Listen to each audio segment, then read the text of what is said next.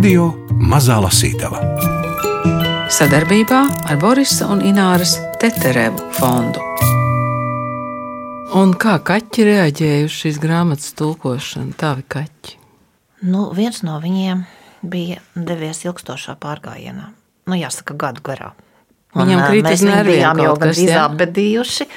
Un, uh, man jāsaka, pēc tam, kad viņš beidzot uh, šajā augstajā ziemā pārādās mājās, es um, laikam viņu sapratu labāk un viņa domu gājienu, kāpēc ir jādodas pasaulē.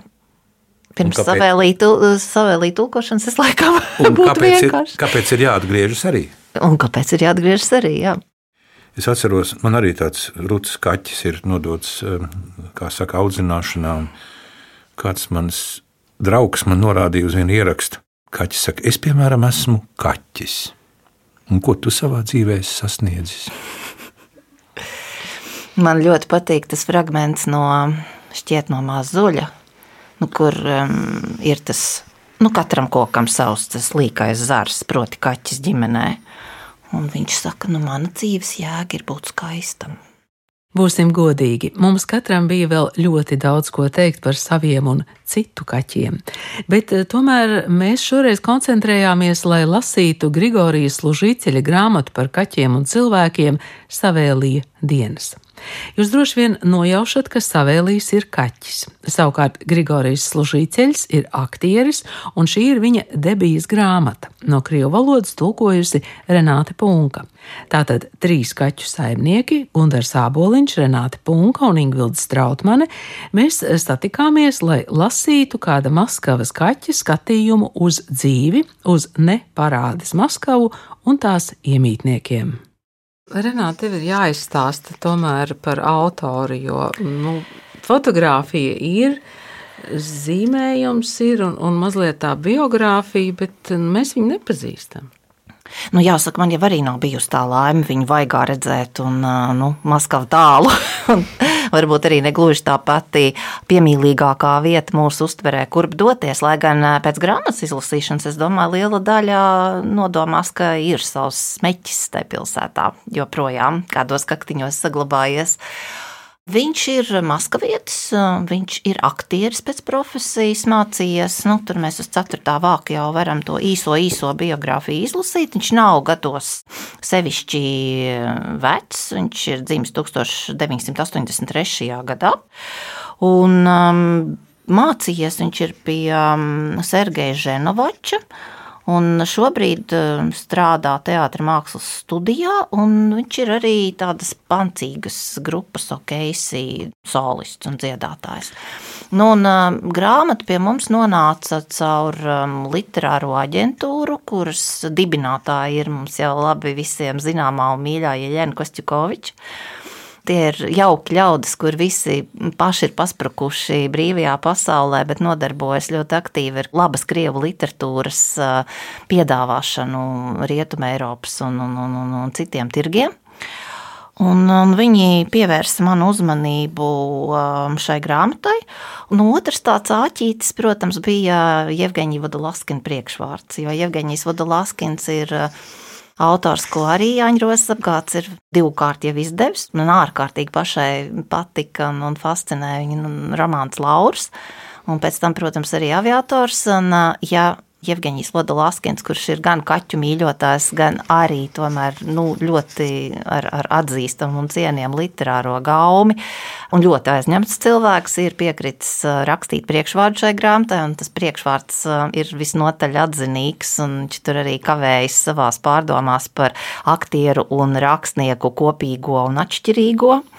Nu, jā, tas bija tas pamudinājums šo grāmatu izlasīt krieviski. Nu, un tad, kad es viņu izlasīju, tad es sapratu, ka jā, nu, Jāņģerosas apgāds, kur ā, īpašniece pie tam ir slavena kaķu mīļotāja. Laikam vienkārši Nu, nevar šo nu, grāmatu Skaidrs, nu, jā, nu, tā, nu, tu, Nu, tā tad Skaidrs, kurš ir situācijas Nē, saimnieks. nē, nē, nē, nē.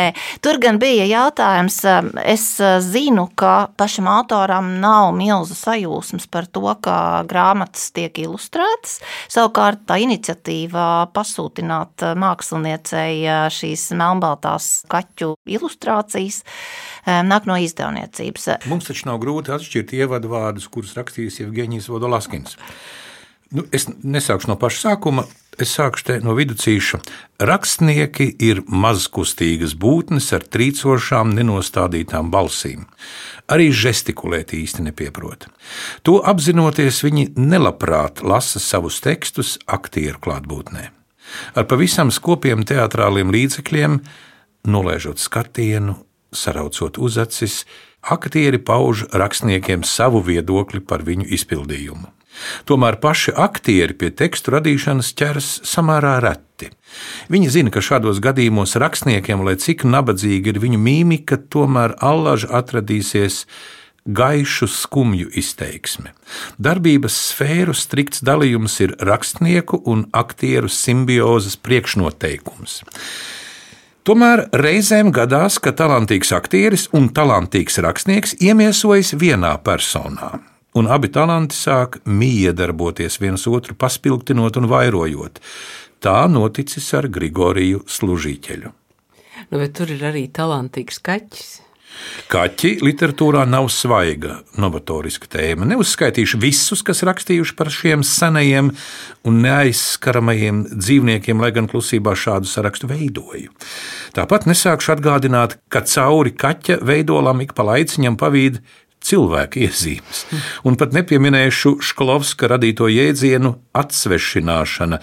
Pateikšu vien to, ka služīķeļa varoņi, vai tie būtu kaķi vai cilvēki, ir īsti. Vientuļi, ciešana, mocīti, smejoši un mīloši. Par mīlestību šajā romānā ir jāpasaka īpaši. Tā nu sagadījies, ka tā ir platoniska. Pati augstākā no visām mīlestībām. Bet, Renāte, tev tā Maskava, ko Grigorijs Služīcējs apraksta, nu, tā ir tāda pazīstama Maskava? Nu, manā mm, Krievijas pilsētā tomēr ir Sanktpēterburga. Tur es esmu arī vairāk bijusi, un, un kā, kā to saikni ar to ziemeļu galvaspilsētu es eh, sajūtu labāk. Un, un man šķiet, nu, tā, protams, ir arī eiropeiskāka. Un eh, šķiet, ka tieši tas arī mazliet pat strāvo cauri tiem Maskavas aprakstiem ko mēs lasām grāmatā, jo tā Maskava, kas parādās savēlīja acīm, tā faktiski ir Maskava, nu, kura mums neasociējas ar, ar, ar šo te impēriskās galvaspilsētas saltumu, ar, ar varbūt kaut kādām ambīcijām, dažādu gadsimtu. Tā ir Maskava, kurā dzīvo vienkāršie maskavieši un kurā uh, kaķi piedzimst uz ielas, banānu kastēs, uh, maina saimniekus, pēc tam skatās ar savu to vizinošo kaķu skatienu uz šiem saimniekiem, dalās stāstos par saviem saimniekiem. Jums arī ir kaķis? Divi. Un lūk, naktīs pēc nogurdinošām fiziskām aktivitātēm un prāta vingrinājumiem, savā šūpulī piespiedies pie mammas vēdera, košļādams māsas asti, es domāju, kāda laime, ka man ir ģimene. Kaut nepilna. Jautājums par tēvu, kā jau lielākajā daļā kaķu ģimeņu, pie mums nekad netika cilāts. Nu, man ir mamma un divas māsiņas, kaut dumjas, taču mīļas. Man apkārt ir sienas, kaut no kartona, taču savas. Sienas, kas piesūkušās ar puvušu banānu čikita aromātu un biespienu bļodiņu. Lāma ar lietus ūdeni. Cik daudziem nav tā paveicies kā mums? Un kad iedomājos par tiem, kuri gādāja par mūsu trauslajām dzīvībām, kas mūs baroja, dzirdināja, mūs aprūpēja, jo gluži kā sen izdzisušas zvaigznes atspīdums savrupmājas grausts joprojām pildīja dzemdību nama patvērsmes funkcijas. Mēs, piemēram, arī piedzimām tieši šeit, un par mums rūpējās neliels, taču gādīgs darbinieku pulciņš. Lūk, sētnieks Abdullahs Taģikistānas republikas pilsonis no Pārčasas ciema, kur viņš uzturēja desmit cilvēku ģimeni, astoņus bērnus, sievu un vecmāmiņu. Pašvaldība viņu bija pierakstījusi savrupmājas teritorijā. Katru rītu Abdullahs ieradās darbā gludi noskubies, apsēdies uz pakāpieniem savrupmājas sēdes pusē un pats ar sevi spēlēja kauliņus. Reizēm paņēma rokā slotu, Vienmērīgiem vēzieniem aizslaucīja no celiņiem pūkas, lapas, beigtas vaboles, kā arī prīmulas un nezināmas izcelsmes grūžus. Tas viss pacēlās gaisā un lidoja, lidoja. Drīz vien Abdullahs eh, pamanīja mūsu kasti. Viņš ielūkojās iekšā un teica: Oh, kādi mazi un visnotaļ jauki kaķīši! Pēc tam aizgāja uz ABK un atgriezās ar ūdens pudeli un lielu paku kaķu barības izgāza želeju uz avīzes, un es uzreiz ķēros pie ēšanas. Vienlaikus noskaidrojot, kāda ir politiskā situācija valstī un kādas ir naftas un gāzes cenas pasaulē. Pēc tam apgūlos krūmos, atpūsties. Sētnieks ar pirkstu kasīja manu vēderu, bet es ar tās augto perifēro redzi vēroju, kā ieņirbas rezēdes, vilkābeles, kā briest ķirši un rieksti lazdās. Mūsu dārzs ar apbrīnojamu toleranci izturējās pret dažādiem floras paveidiem. Segliņš laimīgi sadzīvoja ar vīrgriezēm, parastā sprigana nenodarīja nekādu ļaunumu mežrozītei, un ticiet vai nē, korinte rimti auga tieši blakus kaķpēdiņām. Dārzu kā blīvs valnis ieskāva nātris. Abdullahs nesteidzīgi kārtoja apkaltušās lapas nelielās kaudzēs, un kad uz Abdullaha vaigiem iezīmējās bārdas rugāji, tas norādīja, ka darbdiena tuvojas beigām. Viņš sabēra kauliņus samta maisiņā un devās prom. Pār plecu bija gleznaini pārmesta slota, bet ar brīvo roku viņš pašam vien dzirdams melodijas ritmā skandināja neredzamu tamburīnu. Abdullahs mūs katru rītu ēdināja tieši astoņos. Grigorijs Služīceļs savēlīja dienas, lasa un ar grāmatas tulkotāju Renāti Pungu sarunājas Gundars Āboliņš. Par skaistumu kopšanas salonu Miesnīcā. Jā, tas ir. Jā, jā, jā, jā. Nu, nu, redz, skaistumu kopšanas salons Miesnīcā ielā. Saimniece strādāja skaistumu kopšanas salonā Miesnīcā ielā. Man ierādīja vietu pie skatloka. Taču izrādījās, ka vienai no svarīgajām klientēm ir alerģija pret kaķiem. Viņas virsdegune kaprīzes saraucās, lūpas indīgi saviebās, acis naidīgi samiedzās. Vārdu sakot, mani drīz vien no salona pacina. Atgriezos Baļšāja paļankā un bija spiests caurām dienām nīkt Igijas sabiedrībā. Tas bija neciešami. Papagailis bija pilnīgi zaudējis prātu. No rīta līdz vakaram viņš tīksmanājās par sevi spogulī un klusēja tikai šo narcisma seansu laikā. Visu atlikušo diennakti Igijs saukāja par stulbeņiem visus apkārtējos. Bet tā būtu tikai pusbēda. Lai saimnieces prombūtnes stundas padarītu mums jaukākas, viņa nolēma atstāt ieslēgtu raidstaciju Orfejs. Zvēru tā bija kļūda. Jā, man patīk klasiskā mūzika, bet Igijs, viņš nolēma, ka ir operdziedātājs. Nav liela bēda, ja kāds nav apveltīts ar talantu. Simtkārt ļaunāk ir tad, ja šim kādam par to nav ne mazākās nojausmas. Kamēr radio atskaņoja Šopēnu vai Šūmani, Papagailis vēl klusēja, bet tikko izdzirdis kādas ārijas pirmās taktas, viņš sāka pilnā balsī gaudot un klaigāt. Igijs bija cieši apņēmies kļūt par dziedoni, un šis lēmums bija nelokāms. Miers iestājās tikai īsajos ziņu pārtraukumos, un pēc tam putns atkal pievērsās vingrinājumiem ar trīskāršu spāru. Ak, cik bieži talanta trūkums iet roku rokā ar darba mīlestību! Savādā kārtā mums visiem palīgā nāca augšstāva kaimiņiene, mīlīga večiņa, kas jau vairāk nekā 40 gadus apraudāja sava laulātā drauga pāragro aiziešanu viņa saulē.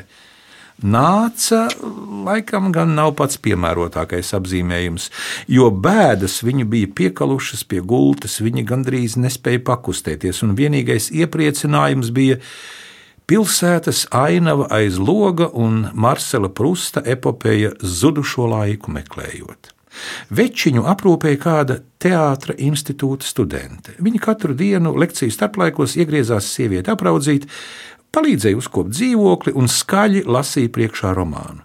Studenti pacienāja ar bezmaksas pusdienām un pāris reizes mēnesī apveltīja ar kaut kādām večiņas jaunības laiku rotaslietām.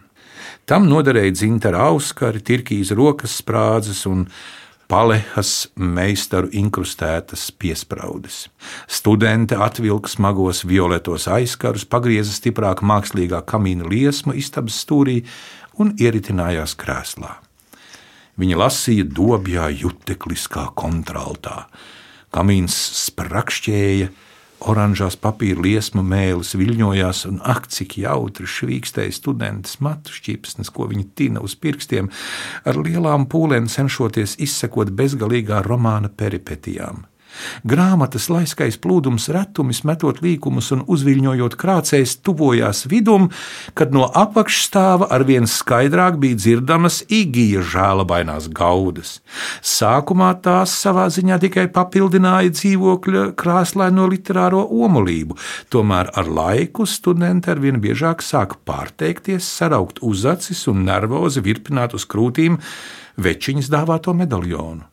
Beidzot, viņa neizturēja, aizcirta grāmatu un paziņoja visiem un nevienam: tas ir neprofesionāli. Ma, mašēr, centieties nezaudēt uzmanību, atbildēja večiņa nekustīgo skatienu ieurbu grieztos. Uzmanība ir smaragds katra mākslinieka dārguma krātuvē. Students saņēmās un turpināja, taču turpināja arī papagailis. Frāzes izšķīra vārdos, vārdi burtos, bet tie peldēja istabas pustumsā kā burtiņi makaronu zupā. Zudušā laika meklējumi bija lemti neveiksmēji. Vakarā mūsu saimnieci uzaicināja uz pārrunām. Papagaili apklusināt pieprasīja ne tikai večiņi, bet arī kaimiņi no trīs dzīvokļiem pa labi, pa kreisi un apakšā zem mūsējā. Saimniece sāka klāt uz būra lupatu, taču Igijs nolēma, ka sasniedzis nākamo vokālās meistarības apgūves pakāpi, proti, nakts posmu. Galu galā es vairs nevarēju novaldīties. Reiz radio atskaņoja La, Lamorozo. Es viss pārtapu dzirdēju, apgūlos uz muguras, lai labāk izjustu katru iemīļotā allegro noti. Igijs gluži kā nojausdams, cik dārgs man ir šis allegro, ieķērcās tik pretīgi, ka es uzlieku uz galda, norāvu būra pārsegu un skarbi pateicu: Pietiek! Papagailis salieca kāju un niknis sāka uz mani blenst. Jau pagriezos, lai nokāptu, kad Igijs no visa spēka iekļāvās stulbenis, stulbenis, stulbenis. Un tad es nogrūdu būri uz grīdas, atvēru durtiņas un divos kampienos apklusināju dumjo putnu. Skatījos, kā pa istabu lido daudzkrāsainas spalvas, un tiešām apzvēru, ka neizjūtu ne mazākos sirdsapziņas pārmetumus.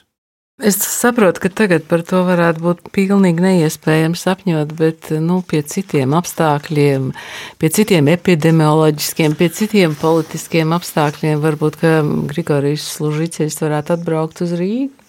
Nu, mēs esam izdevniecība, kur cenšas šādas iespējas saviem lasītājiem nodrošināt. Un, protams, ka tas ir arī manā ielūdzamo viesu saraksta diezgan tuvu augšgalam, jo, jo ļoti, ļoti interesanti būtu satikt viņu vaigā un parunāt ne tikai par kaķiem. Tikmēr kokiem nobira lapas. Morozovu savrupmāja jau sen pagaisusi skatienam. Tukšā banānu kaste palikusi kaut kur tālu aizmugurē. Pirmo reizi biju aizgājis tik tālu no mājām. Labajā pusē slēdzās Andronika klosteris, lejā šļakstēja jauza, kreisajā pusē no rīta miglas Maskavai uzmācās neveiklās sitijas augstceltņu kompānija. Gludi pulētie uguns drošie torņi vizēja kā čūskas zvīņas, savērpās DNS spirālē, stiepās debesīs kā milzīgas caurules. Tajos jautās kaut kas briesmīgs briesmīgs, trauksmains un biedējošs. Kaut kas tāds, kas izraisa šausmas, taču no tā nav iespējams atraut acis gluži kā no stihijas. Pie krastmalas piestātnes stāvēja kāds kungs. Viņam bija mētelis un cepure, alkonī karājās spieķis.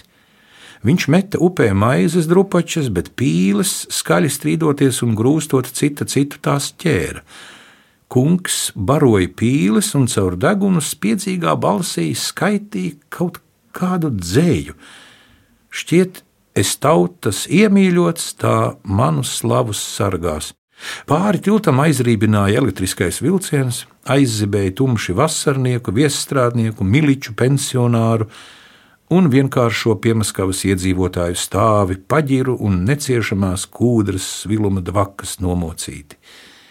Pasažieri blenza mobilajos telefonos un spēlē čūsku, tetri, minipokeru, atcerējās, cik šajās dienās izdzerts, smaidīja, atstāstot vakardienas urgantu pārraides jociņus, lēsa vai pieticīgie iekrājumi ļaus rudenī kaut kur aizbraukt kopā ar ģimeni Iespiests starp mammu un vecmāmiņu uz sola sēdēja Viķuša pasečņiks. Un skumji skatījās pa logu, sapņojot par iemīļoto klases biedreni Jūģu. Viķušam manā dzīvē būs lemta sava loma. Elektriskais vilciens aiztraucās prom no Maskavas, tam pa pēdām skanēja dažāda kalibra rējas, tur trokšņo rīta promenādē izgājušie suņi. No labās uz kreiso, no kreisās uz labo pusi lidoja plastmasas šķīvi, bumbiņas, visādi citi lādiņi, un pēc tam tiem kā negudri pakaļ skraidīja vietējie korgiji, bīgli un vācu aitu suņi. Mēs pa tiltiņiem šķērsojām zeltradziņa strautu, un man sirdī kā allaž skanēja lamorozo.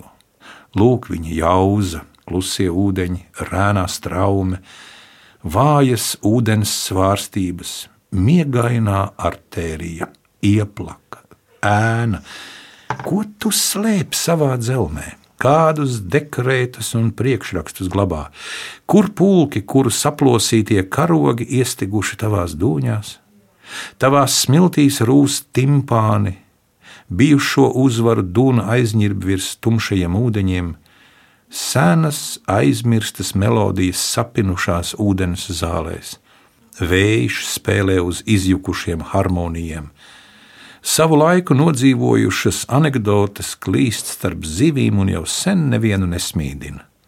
Duļķaina upe, vājā neauglīgā jauza, sagrabējusī aukle, kuru nepadzana aiz žēlastības, bebru midzenes, pīļu atteka.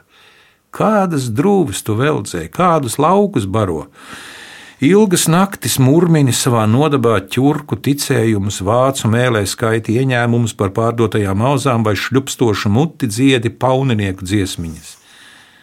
Mana mīļā upe, visākstīgākā, visaprēbušākā, kā pustraka vecene, ne par ko neatcerēsies, ko ēdus brokastīs, taču ar lielāko prieku tūkstošo reizi izstāstīs par cara Aleksēja Mihāliča izbraukumiem ar vanagiem, vai lomās attēlos kā bīrons vaļējos rītsvārkos piedzēries maršējis militārā orķestra priekšgalā.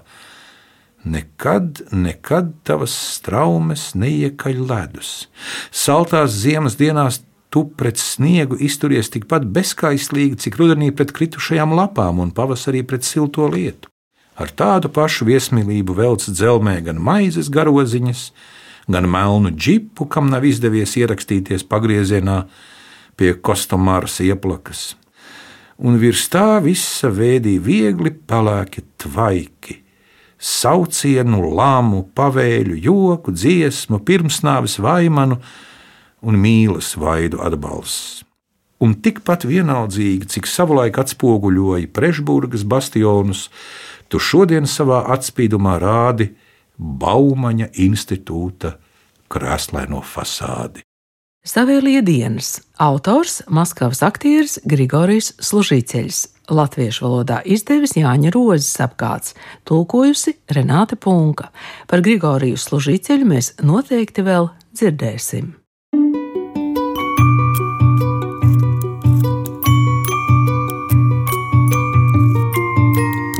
Radio Mazā Lasītava sadarbībā ar Borisa un Ināras Teterevu fondu.